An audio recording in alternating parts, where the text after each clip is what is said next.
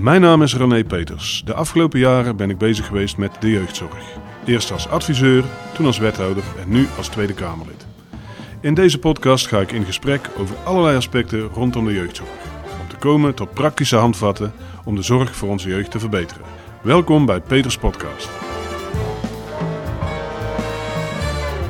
Welkom uh, bij deze podcast. We zitten vandaag in Rotterdam Zuid, bij het Nationaal Programma Rotterdam Zuid, bij Marco Pastors, voormalig wethouder, nu directeur en kartrekker van deze wijk, in ieder geval van het Nationaal Programma. Um, Marco, mogen we tutoyeren? Zeker. En zou je misschien dan jezelf verder kunnen voorstellen, waar hou je de hele dag mee bezig? Ja, ik ben uh, sinds het begin uh, van het Nationaal Programma, en dat is in 2012, uh, de, de directeur, de kartrekker van een gebied met, met 17 wijken, in totaal 200.000 uh, mensen. Uh, net zo groot als Groningen, Eindhoven of Tilburg, alleen dan met de statistieken van een, uh, van een achterstandswijk, van een arme wijk. En dat werd in die tijd en terecht gezien als veel te groot om mensen goede kansen in het leven te bieden. En ja, dat is een twintigjarige samenwerking en ik ben daar ja, met heel veel plezier de directeur van. En uh, wat zijn dan die problemen die je dan in zo'n wijk zag en ziet waar dan reguliere oplossingen blijkbaar niet, niet voor pasten? Of hoe zag dat eruit? Nou ja, dat, dat kun je eigenlijk. Je moet gewoon altijd kijken hoe het met mensen gaat. Hè? En uh, de, je kunt kijken naar de kinderen op de scholen. Uh, wat zijn hun schooladviezen? Nou, gemiddeld in Nederland gaat iets meer dan de helft naar HAVO-VWO. En bij ons was dat 29 procent. En ja, dan zeg je van ja, daar gaat iets mis tussen dat die kinderen geboren worden en uh, dat ze twaalf worden. Uh, lopen ze toch wel heel veel verlies op vergeleken met anderen. Mm -hmm. uh, hetzelfde geldt voor uitkeringen. Nederland heeft ongeveer 8% uitkeringen, in grote steden gemiddeld 14%, maar hier is het 20%. Dus uh, ja, hoe kan dat? Hè? Uh, dat is echt geen gebrek aan werk. Hè? Want tegelijkertijd zien we en zagen, we toen ook al uh, heel veel instroom van arbeidsmigranten. Hè? Dus er is blijkbaar wel werk te vinden. Maar toch lukt het een heleboel van onze mensen niet om dat te krijgen. En, dus ja, en zo kun je het rijtje eigenlijk afmaken. Kijk naar de mensen. dan zie je wat er mis is. En ik zeg er ook altijd bij: kijk naar de woningen, dan weet je waar het door komt. ja. Ja, ja, we zijn hier nu. Um maar het is inderdaad nou een enorm gebied, groter dan Eindhoven, met statistieken die knap slecht zijn als het gaat om leefbaarheid, om inkomen, om, uh, om kansen ja. Ja. Uh, van jongeren. Nou, dat, dat, dat was dan duidelijk. En dan? Waar, waar begin je bij zoiets? Nou, ook weer daar waar je wilt zijn. Hè? Dat, dat als je naar het wijkenbeleid van voor 2000 10, 11 uh, bekijkt. Hè, dat Wim Deetman trouwens, die heeft hier dat, dat genadeloos vastgelegd hè, in een commissie die die samen met Jan Mans, uh, ook een ex-burgemeester toen al, die is helaas overleden, maar Wim Deetman die, die, die is er nog en die heeft toen hier het advies gegeven van ja, er gebeurt heel veel in die wijken met al die projecten. Hij noemde dat ook een projectencarousel.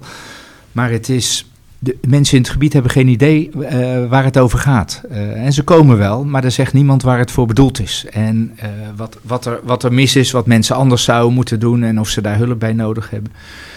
Dus het, het, het allerbelangrijkste is dat je dat je, je voorstelt van hoe het leven van inwoners van dit soort wijken eruit ziet. En, en waar je dan moet zijn in hun leven. Maar hun leven is altijd op een dag. Hè? Om het beter te laten gaan. Ja, en als je daar goed over nadenkt, dan is het niet eens zo moeilijk. Dan moet je dus uh, voor de kinderen op de scholen zijn. Mm -hmm. En voor de volwassenen moet je bij de uitkeringsinstanties zijn. Want daar weet je in ieder geval dat er iets met ze mis is in hun, uh, in hun participatie uh, in het dagelijks leven, in, in de samenleving. dus. Mm -hmm. nou, en van daaruit zijn wij, zijn wij dat verder gaan trekken aan dat draadje. En wat doe je dan? Kijk, ik, ik kan begrijpen, die, dus, er ging altijd al heel veel aandacht naar. En het was allemaal onge, on, ja, verdeeld en versnipperd. En die mensen hadden geen idee waar het was of waar het toe deed.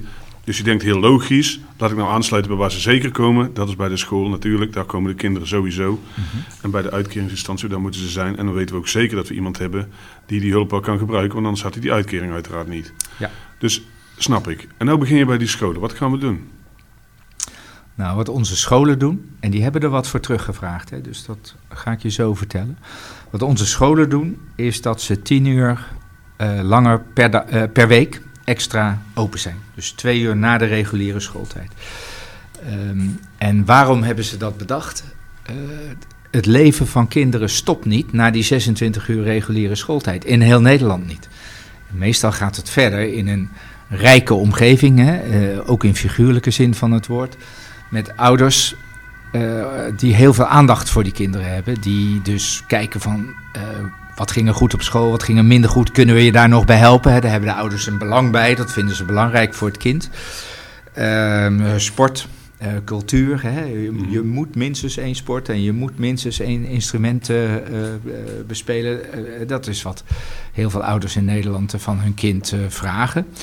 Eh, op zoek naar het talent van het kind en ook om te zorgen dat het, ja, dat het kind wat dingen meemaakt. Hè?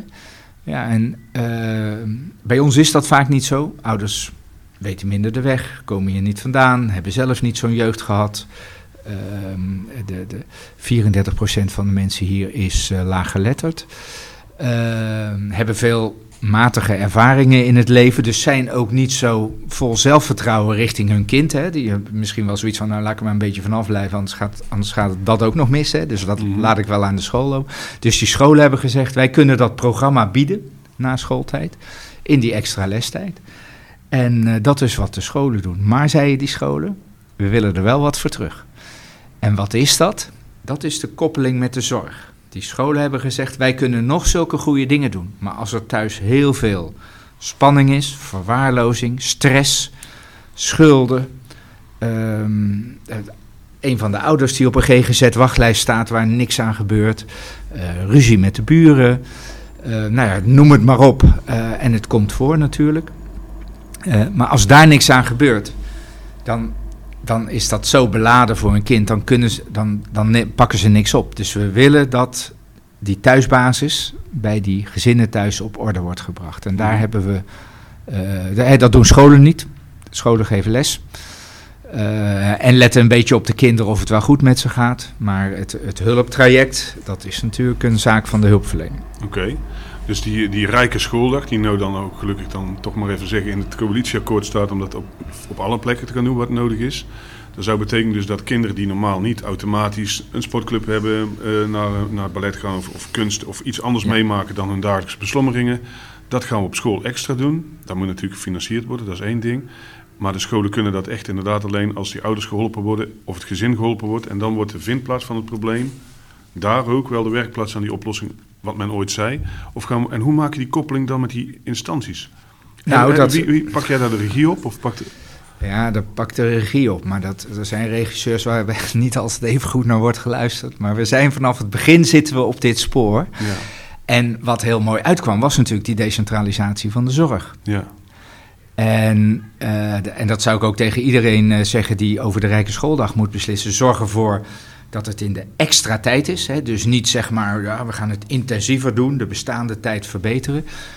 Dan is het kind alsnog om half drie thuis, na 26 uur per week. Terwijl de concurrentie 36 uur per week doorgaat. Hè? Dus die, die 36 uur, die extra tijd, die zou je als basis uh, moeten nemen. Uh, en vervolgens moet je ervoor zorgen dat die extra uren elk jaar uh, beter worden. Hè? Dus dat je aan kwaliteitsverbeteringen gaat. En niet andersom. Niet gaan zeggen, nou we gaan eerst die 26 uur optimaliseren en dan komt de rest. Nou, dan komt de rest nooit, dat kan ik je garanderen. Uh, dat, is de, dat is de schoolse kant. Mm -hmm. um, en die zorgkant, ja, dat is een, een zaak van de gemeente. En ik dacht van, nou dat is fantastisch. Hè? Dan komt al dat gedecentraliseerde geld mooi hier op één hoop te liggen, dan zijn we er vanaf. Van dat gezeur over uh, verkokering en uh, dat soort zaken. Maar uh, tot mijn teleurstelling blijkt dat toch gewoon heel erg moeilijk te zijn. Zowel voor gemeentelijke budgethouders als voor de professionals in de praktijk. Om, nou ja, voor zo'n gezin één plan op maat te maken. En te zorgen dat het gezin krijgt wat het nodig heeft. In plaats van dat het bepaald wordt door bureaucratische kaders en uh, dat soort dingen. Ja, op zich wel. Een, nou die, maar die eerste die gaan we even onderstrepen markeren. Iedereen die dit luistert, hoort het nu. We gaan een rijke schooldag doen. Dan gaan we beginnen met de extra tijd in te bieden, in, in te leveren. Niet intensiveren, extra tijd. Zorg dat die ook ingevuld gaat worden en ga dan die extra tijd kwalitatief ja. verbeteren. En hoop niet dat het andersom gebeurt, want gebeuren Precies. gaat het nooit. Precies, en dat is niet omdat iedereen naar mij moet luisteren, maar omdat je moet denken vanuit het kind. Ja. En vanuit dat kind, als je, dat, als je gewoon hier door je wijken rijdt en je kijkt nou ja, hoe moeizaam het leven is voor heel veel mensen. Ofwel met, met mensen met, met, met veel te hardwerkende ouders, met al die nul uren baantjes en dat soort dingen, met die flexibiliteit. Die kunnen niks inroosteren voor hun kind, omdat ze geld moeten verdienen, dat is belangrijker. Ehm, de, de, gordijnen dicht overdag, de, de, nou ja, de laaggeletterdheid en dat soort zaken, het gebrek aan zelfvertrouwen. Ja. Ehm, de, de, regel het vanuit de school. En betrek daar die ouders bij. Hè? Dat is natuurlijk ook belangrijk. Maar gaan niet zeggen van nou, we vinden eigenlijk dat de ouders het moeten doen. Dan kunnen wij lekker om half drie naar huis. Nee, ja, dat, is, dat is mooi geredeneerd vanuit een werkelijkheid die bij mij thuis is misschien. Maar niet bij iedereen thuis. Precies, daar moet je in verplaatsen. Ja. Moet dus, maar dat, dus kraakhelder. Maar nu komen we wel bij het tweede punt wat je zei.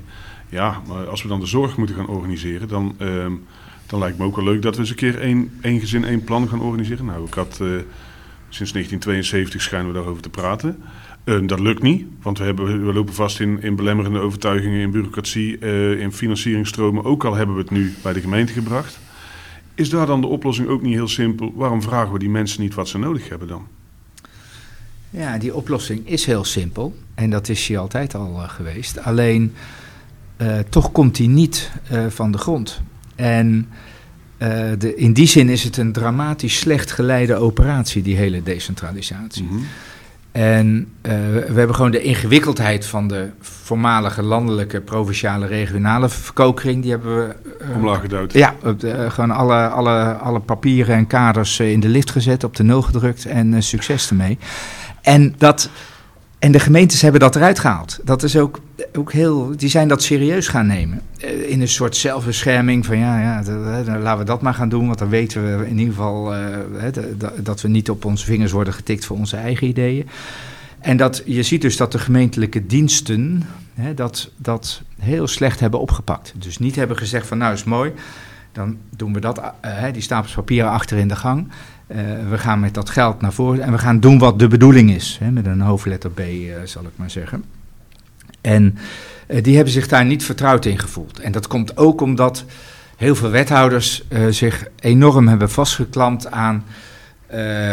het tactisch ook niet helemaal handig van het Rijk aan die bezuiniging. Dus die gingen eigenlijk een beetje impliciet bewijzen aan het Rijk dat er onvoldoende geld was. Nou, dan moet je natuurlijk niet met hele slimme ideeën komen die ervoor zorgen dat je misschien wel geld over hebt. En dat gesprek is nooit goed gevoerd. Ik vind dat ook niet goed van ministers trouwens. Je kunt natuurlijk wethouders de schuld geven, maar je kunt natuurlijk ook zeggen, heren, dames, als u echt geld nodig hebt, dan, uh, dan, is, dan is het goed. Maar we gaan wel een verre wedstrijd spelen. Dus jullie voeren het beleid uit zoals het bedoeld is. En dan ben ik bereid om te kijken dat als er extra geld nodig is, dat we daar een oplossing voor mm -hmm. vinden. Maar niet gaan vals spelen en dan mij later de schuld geven. Dat is natuurlijk ook voor een, voor, een, voor een minister een makkelijk spelletje. En dat is toch ook een beetje gespeeld. Dus dit is eigenlijk een soort, soort impasse tussen twee groepen die, er, ja, die de makkelijkste weg hebben gekozen. Ja. Ja. Maar nu zijn we in 2022 en zeggen we van ja, we hebben eigenlijk dezelfde discussies als in 2015. Hè. We hebben ook weer uh, een, ja. in 2026 een potentiële bezuiniging van een paar honderd miljoen. Uh, ja. ja. wat zou nu je advies zijn aan minister en aan, aan wethouders? Ja, ik vind zelf dat het één gezin, één plan nog steeds het enige echt goede idee is. Mm -hmm. Hè, want zeker gezinnen die met veel kwesties te maken hebben en, uh, en moeite hebben om hun eigen diagnose goed te stellen. Mm -hmm. Die ook moeite hebben om de, go de goede weg te vinden in de hulpverlening. Uh, daar moeten we niet tegenover gaan zitten, maar dan moeten we naast uh, gaan zitten.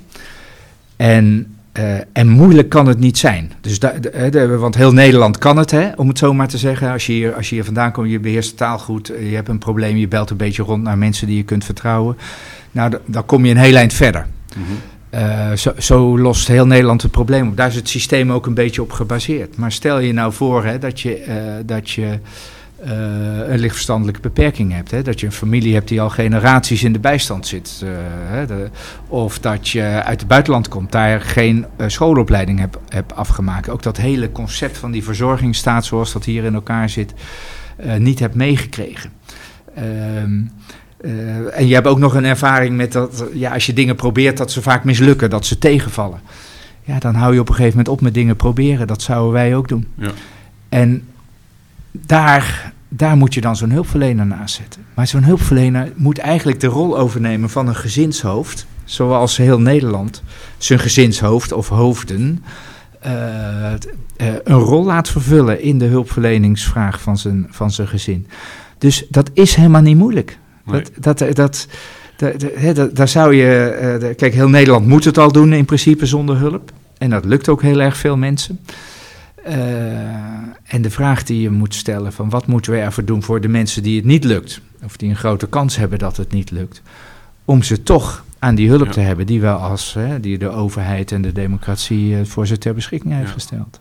Dan zeggen we het eigenlijk, eigenlijk heel simpel. Wij gaan kiezen, best uh, onderstrepen dat weer voor iedereen. We gaan kiezen voor mensen met ingewikkelde problemen in kwetsbare situaties. Dan gaan we zeggen, als we die achter die bureaucratie zelf de weg laten zoeken. Zoals we ooit al die projecten hadden in de wijk, had je nu al die projecten binnengezinnen, ze hebben geen idee. Zorg dat er iemand naast komt te zitten die uh, zich gedraagt als gezinshoofd en organiseer het voor deze mensen. Ja. En gooi die bureaucratie maar gewoon lekker. Uh, ja. precies. Het die zich gedraagt als gezinshoofd, maar die, het, die, de, die de gezinsleiding in staat stellen. Tuurlijk, leiding, dus je geeft natuurlijk een advies en dat soort dingen. Maar, uh, maar de weg weet en als, dat goed voelt, als dat goed voelt, dan uh, volg je dat natuurlijk op. En daar, daar, daar zou je die professional voor moeten zijn. En dat, dat is. dat, ik heb een hele goede hulpverlener hier wel eens horen zeggen. met uh, als, als er één goede hulpverlener aanschuift in dat gezin, dan komt zo'n heel gezin de winter door. Dan, dan, dan, dan ben je eerder bij de problematiek. Als er een paar rekeningen zich opstapelen, of als de ruzie met de buurman uh, de, aan het beginnen is. Of als de, de, zeg maar het, het, nou ja, het huiselijk geweld richting een van de, van de ouders of, of de kinderen. Dan ben je er eerder bij. En dan mhm. loopt het ook minder uit de hand. En het zijn vaak ook niet eens zulke hele ingewikkelde problemen. Maar als je niet weet hoe je moet oplossen, is elk probleem ingewikkeld. Hè? Dan is het veterstrikken ook heel ingewikkeld. Maar sommige, sommige oplossingen zitten wel op dat niveau. Dat moet je een paar keer worden voorgedaan, maar dan kan iedereen het. En uh, uh, wat heel veel beleidsmakers en ook heel veel hulpverleners waar die zich niet in verplaatsen, is in deze mens. Want beleidsmakers en hulpverleners die zijn allemaal hoog opgeleid. Ja. En die denken van ja, maar hoe zou ik behandeld willen worden? Nee, je, je moet nadenken, hoe zou je behandeld willen worden als je uh, je hele leven in een klas zit en bijna iedereen doet het beter dan jij? En jij moet het toch gaan doen. Ja, doe het maar twee keer voor. Doe het samen. Ja. Kijk hoe ik het doe. Ja, en daar moet je je in verplaatsen. En je moet niet zeggen, nou, we, we, we laten dat aan de, aan, die, aan, die, aan de mensen over, want uh, iedereen, we hebben vrije keuze in het land. Ja, de hel. Maar als je als je, als je iemand die, die niet kan rijden uh, zomaar uh, de autosleutels geeft, dan kun je wel zeggen het is een vrije keuze, maar dan is het onverantwoord om dat aan mensen zo over te laten. En dan moet je dus met mensen gaan praten en zeggen, ik zie dat jij nog niet kan rijden, dat geeft helemaal niks. Iedereen heeft dat een keer uh, moeten leren. Wij gaan ermee beginnen. Maar ik ga je, er, ik ga je erbij helpen. En dan, kom, en dan kom je wel veilig de weg over. En in plaats van dat model van nou laat ze eerst maar eens tegen een boom aanrijden en dan komen, en dan komen we misschien eens een keer kijken. Uh, en dat, dat is wat heel veel. Uh, je moet je er meer mee bemoeien met die mensen. En, uh, en, en ze niet het verkeerde pad opsturen. Hè? Dat ze zeggen, ja, maar je, je moet zelf kiezen. Nou, het, Terwijl het, dat is onverantwoord om mensen uh, waarvan je een groot vermoeden hebt dat het lastig is om goede keuzes te maken, om daar dan zomaar te zeggen: hé, maar het is participatiemaatschappij hoor, dus uh, prutst u eerst maar even een tijdje zelf aan. Nee, een goede, helder om het zo te zeggen, want bemoeien vinden we een vies woord. Ja. Maar als het betekent uh, met rust laten, betekent iemand in zijn sop laten graag koken, dan ben je eigenlijk dan ben je echt slecht bezig. Ja, ja. Dus, je moet eigenlijk net als een onderwijzer voor een klas staat, die deelt zijn, zijn kinderen ook in, in verschillende groepjes. Zeker. En het ene groepje uh, de, de, heeft meer aandacht nodig en andere aandacht nodig dan de ander. En daar ga je heel, heel vanzelfsprekend mee om. En dat is gewoon goed voor het totaalresultaat van de hele groep en voor het welbevinden van alle kinderen. Ja. En wij hebben onze maatschappij en onze hulpverlening veel te veel ingericht op uh, die hoogopgeleide met die vrijheid en die privacy en dat soort dingen. Terwijl die hulpverlening juist nodig is voor die groep uh, die minder hoog opgeleid is en minder taalvaardig en dat soort dingen. En dat, ja, de, ja, als je het eenmaal ziet, dan is het helder.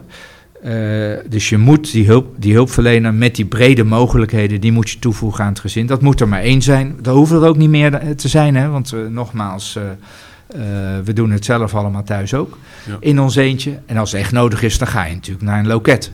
Hè, dan, dan, ga je er wat extra's bij halen. Maar voor heel veel mensen zijn, zijn die problemen echt wel vanaf huis op te lossen.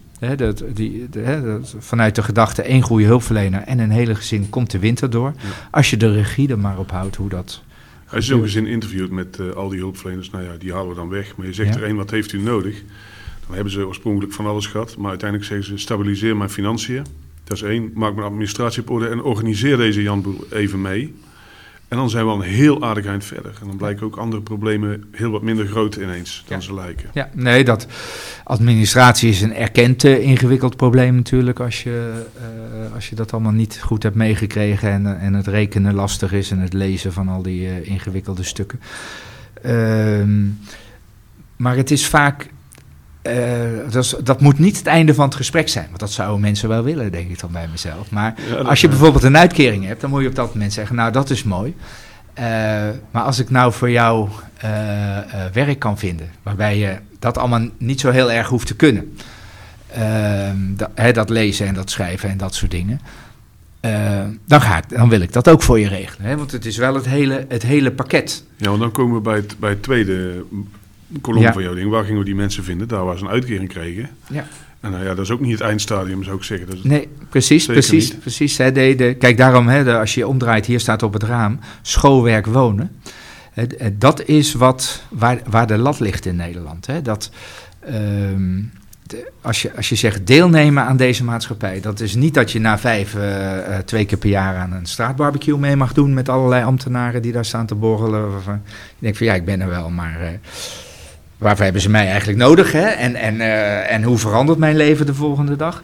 Niet, hè? Uh, nee, dat, uh, wat de bedoeling is van onze inspanning, maar wat de bedoeling is van iedereen. Hè? Er is ook een groot draagvlak voor bij heel veel mensen, merk ik al tien jaar, want ik begin er natuurlijk altijd over. Dat is een normaal leven leiden. En normaal leven is als je jong bent, ga je naar school. En als je volwassen bent, ben je aan het werk. En heel veel mensen hier zouden heel graag zo'n normaal leven leiden. En dat, uh, hè, dat, dat merken we in al die gesprekken. Daar hebben we ook wel eens een keer over gestemd. Hè. 93% vindt dat iedereen iets moet doen voor zijn geld. Hè. Ja. Uh, dat, dat is gewoon, dat is, dat is bijna een universele norm. Alleen voor heel veel mensen is dat, als, je, als ze daar geen hulp bij krijgen, uh, dan lukt ze dat niet. En, en dan komen de frustraties en dan komt ook het afhaken. Hè, het, het afgehaakte Nederland. En wat je, waar je dus voor moet zorgen, is dat ze niet meer afhaken. En, uh, want mensen willen dat. Mensen kunnen het ook vaak, want er is ook heel veel laag en ongeschoold uh, werk. waar je gewoon kunt doorleren als je daar ook nog de energie en de talenten voor hebt. Hè. Dus dat is een heel mooi begin. Um, maar wat je ziet is dat ja, de hulpverleners beginnen er niet over, want zij zijn niet van de uitkeringen. En de uitkeringsinstanties zeggen, ja, we nodigen die mevrouw wel uit, maar dat is elke keer zo'n zinloos gesprek. En nou, die kan nog niet werken hoor, laat maar zitten. Ja. Maar, Laten we toch nog langer in de sop gaan koken. Ja, maar inderdaad, maar samen met die mevrouw uh, of meneer enzovoort uh, zeggen, moet je eens luisteren. Wij denken dat jij, dat jij best wat kan. En wij denken dat er een aantal vraagstukken bij jou zitten of bij jouw gezin... die ervoor zorgen dat het elke keer misgaat op die arbeidsmarkt. Dus als wij nou jou helpen om beter met die administratie om te gaan bijvoorbeeld... of met de GGZ-kwestie van je partner... Uh, als we zorgen dat die in behandeling wordt genomen, of als wij regelen dat jouw kinderen de kinderopvang krijgen zonder stress, hè, uh, kom er maar eens om, uh, dan kun je wel aan het werk. Zou dat niet mooi zijn? Ja. En dat is voor heel veel mensen, ja, die zeggen, lang niet iedereen zegt meteen enthousiast na, maar diep van binnen zeggen ze, ja, ja dat, dat zou mooi zijn. Dat, dan hoor je er wel echt bij. Ja. ja diep van binnen denk ik iedereen besef dat werk meer is dan inkomen, maar ook zingeving, eigenwaarde, sociale contacten. Precies, en dat is zo'n voorbeeld van de zorg. Uh, werk is de beste zorg. Nou moet je eens aan een hulpverlener vragen hoeveel mensen ze aan werk hebben geholpen. Nou, dan is het net alsof je ze een oneerbaar, als, alsof je iets vreselijks van ze vraagt, hè, ja, om, om, ja, ja. om, een overtreding te begaan. Terwijl, terwijl ze zelf zeggen, werk is de beste zorg. Ja, nou, ik, aan. Ja. leg daar de lat neer en ga dan vervolgens eens mensen kijken, met mensen kijken welke welke functioneringsvraagstukken van jouzelf. Hè, uh, uh, zitten dat werk in de weg? Is dat, is dat die administratie? Is dat de schuld? Is dat die buurman?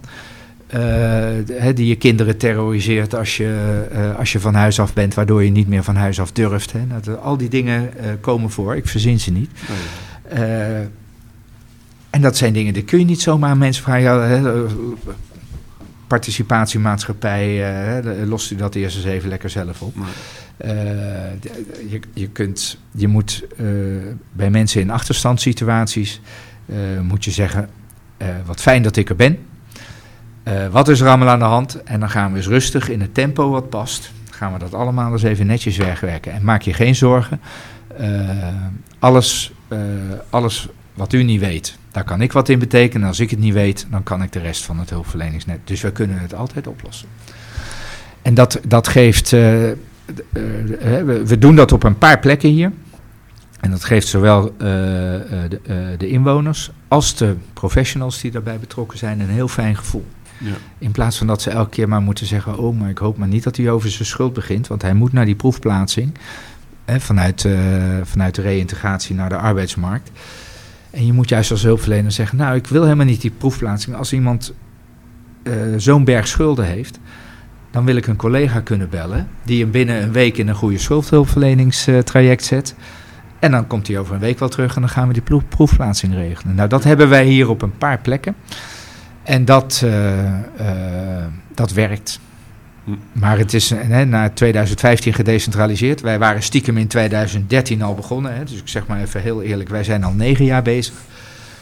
En uh, als het een flatgebouw is, dan zijn we nog niet bij de eerste etage. Hm. Dramatisch. Dramatisch. Maar, de, Dramatisch. Maar, maar de visie is wel kraakhelder. Ja. Zonder werk gaat het niet. Heeft, werk is het beste medicijn. Ik snap dat als, je, als we je de manier waarop we mensen aan het werk hielpen, dachten te helpen, die we altijd al deden zonder ons te uh, verplaatsen. Waarom, waarom lukt het eigenlijk niet bij die mensen? Ja. Wat hindert er? Ja. Nou, dat moet je dus wel doen. Ga ernaast zitten. Hetzelfde als bij de jeugd. Precies. Denk na, wat heeft u nodig? Wat hindert? Kan de buurman zijn, kan schulden zijn, kan administratie zijn, kan de taal zijn, kan alles zijn. We gaan daarmee helpen. Je gaat aan de gang en je zult zien de effecten zijn. Ja, en een, een, een, belangrijke oorzaak van waarom dat gaat, dan moet je altijd aan, aan verkokering denken. Mhm. En aan, nou ja, ook verkokerde leiding. Hè? Dus ook wethouders, ministers die zeggen, ja, maar dit is van mij en het andere is van, uh, van een uh, soort van concurrent of, of uh, andere partij. En daar heb ik, heb ik weinig belang bij. En dat is een, dat is een hele slechte redenering. En als je in zo'n ge gebied werkt, als wat wij hier mogen doen, wij zijn natuurlijk ook gewoon begonnen met dat we uh, zeiden van nou laten we gewoon werk regelen en dan komt dat vast wel goed. En dat viel tegen. Ja, en uh, als je dan aan, aan werkzoekenden en werkgevers vraagt van, van waar komt dat nou door, dan, hè, dan, dan zegt zo'n zo werkzoekende zegt uh, van ja, maar ja, mijn moeder werd ziek en daar moest ik naartoe. En een werkgever zegt van ja, de, de, de, volgens mij kon die zijn werk best wel, maar zijn telefoon ging de hele dag. En als je daar dan goed naar luistert, dan zijn dat dus niet werkgerelateerde vraagstukken. En dat, ik ga de uitdaging met iedereen aan, dat komt in hoge mate voor. Het ligt niet aan het soort werk, het ligt niet aan de werkgever, het ligt ook niet aan de uitkeringsgerechtigde in de term van uh, die kan het werknemer. Niet, hè? Die kan ja. Precies. Uh, het ligt in, uh, heel vaak in overige, in overige kwesties die in dat, in dat leven spelen. En die zo belemmerend zijn dat het, uh, dat het voor zo'n persoon niet makkelijk is om te functioneren op de werkplaats of om de concurrentie aan te gaan. Want dat uh, zei een werkgever ook eens tegen me: van ja, allemaal hartstikke leuk ja. uh, wat jij doet. En dat busje Polen is goedkoper. En dat vinden we heel belangrijk. En ik doe het ook voor de stad. Hè, dus je mag best een, een, paar, voor een paar plaatsen mag je op me rekenen. Maar vergis je niet, in de eerste plaats uh, de, uh, jouw mensen, uh, mensen van Zuid, krijgen dan 100% van het minimumloon. Maar een beetje fitte Pol, die produceert voor 170 procent. dus ik schiet er al een beetje bij in. Een werkstudent, ik weet niet meer. Een werkstudent, hetzelfde verhaal. Dus, dus mensen zijn al minder productief. En in de tweede plaats zegt hij, zo'n Pool, die kan ik s'avonds om half elf bellen. En uh, kan ik mee afspreken morgenochtend 6 uur metrostation Maashaven. Dat is hier uh, vlakbij. Als je hier uh, een keer wil zien hoe dat gaat, moet je gewoon vroeg opstaan, kijken. Er zijn allerlei mensen die elkaar een hand geven. Je kennen elkaar helemaal niet. Een soort Uber-systeem zit erin met taxi. en die gaan gewoon aan het werk.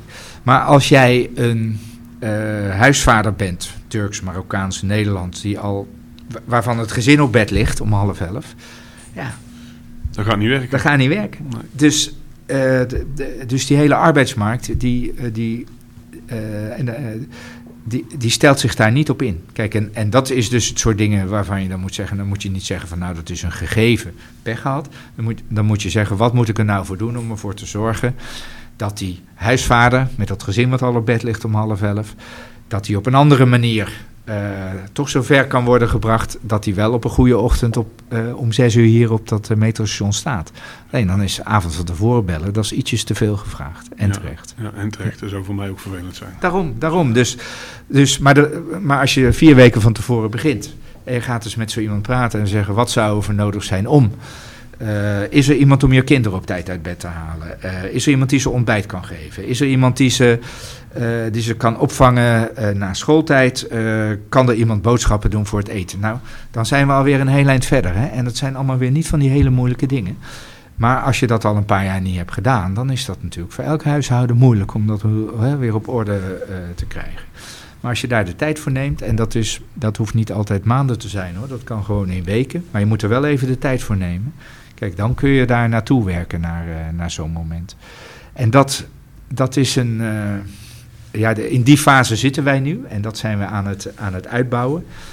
Uh, en ik heb er zelf heel groot vertrouwen in dat het op die manier gaat lukken. En dat daardoor ook een soort nieuwe norm ontstaat. Hè, want die, en zo op die manier moeten, of het gebeurt helemaal niet, denk ik. Ja, het, ja, het, kan, het kan niet anders. Ja, het kan niet anders. Anders is het gewoon werkverschaffing voor ambtenaren. Hè, die zeggen van, nou, heb je nou alweer je proefplaatsing verpest? Nou, dan, dan kom maar weer met je uitkering.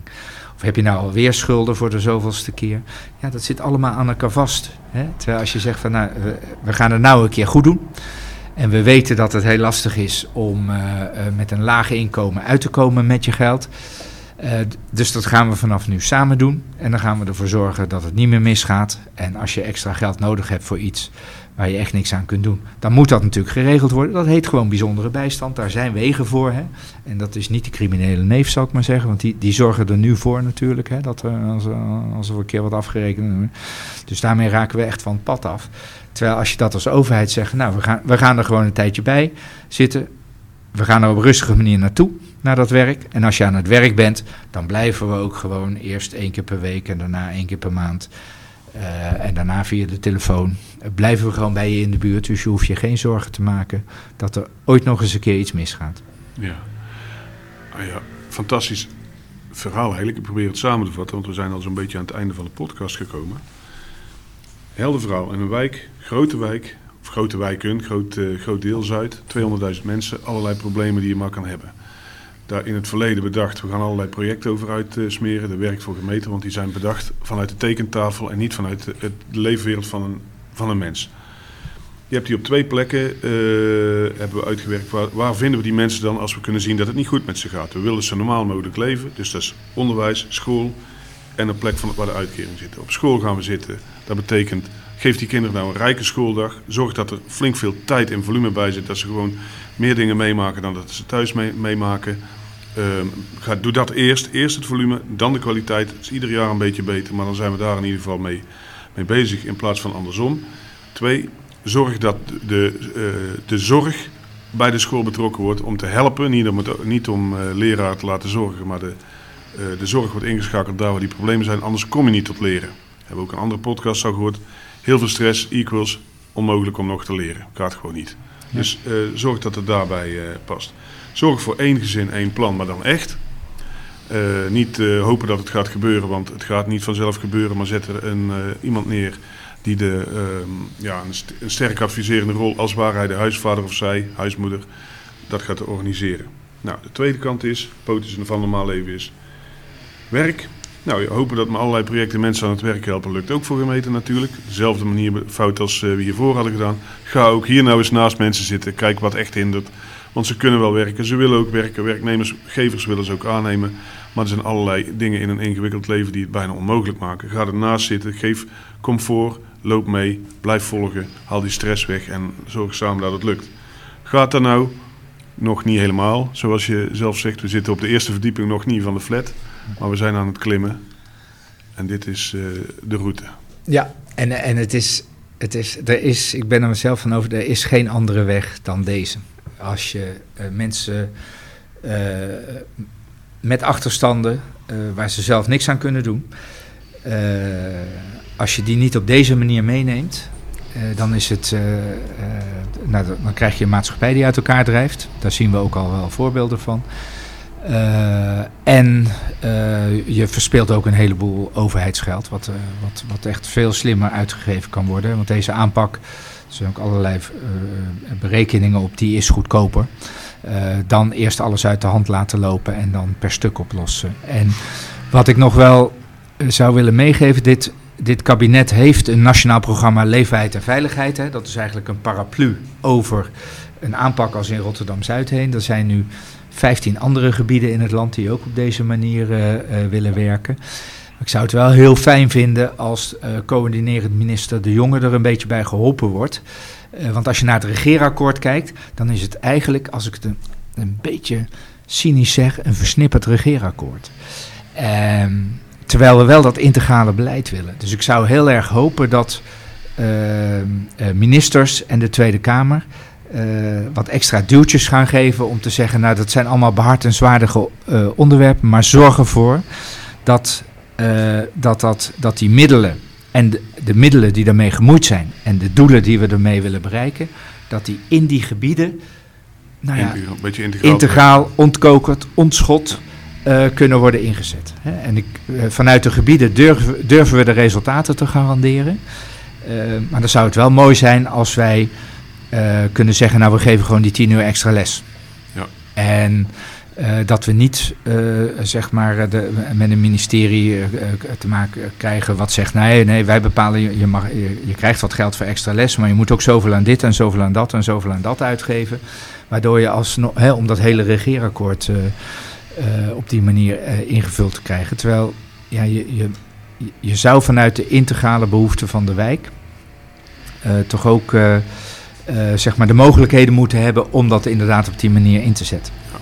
Nou, die boodschap is helder, die trek ik me aan. Ik denk dat als je zegt, uh, lieve wethouders, gaan elkaar ook niet zitten concurreren op je, op je portefeuille, dan mogen we dat van ministers in Den Haag ook verlangen en ook van Kamerleden om daar uh, stevig op uh, te letten. Ja, nee, precies. En ik, ik, ik, merk dat er wel dat er een echte basis voor is hè, voor die aanpak. Ik krijg ook heel veel rapport, ook van bewindslieden die hier op uh, bezoek geweest zijn en van het Koningshuis en en ook van andere, van andere gemeentes. Ik merk het ook bij de ministeries, ambtelijk.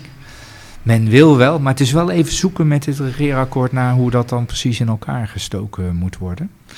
Maar daar zijn we druk mee bezig en waar een wil is, is een weg. Daar is een weg, minimaal één. Zo is Hartstikke bedankt, yes. ik vond het erg fijn, dankjewel.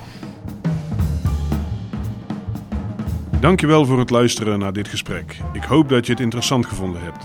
Delen mag, vergeet je niet te abonneren en tot de volgende aflevering van Peters Podcast.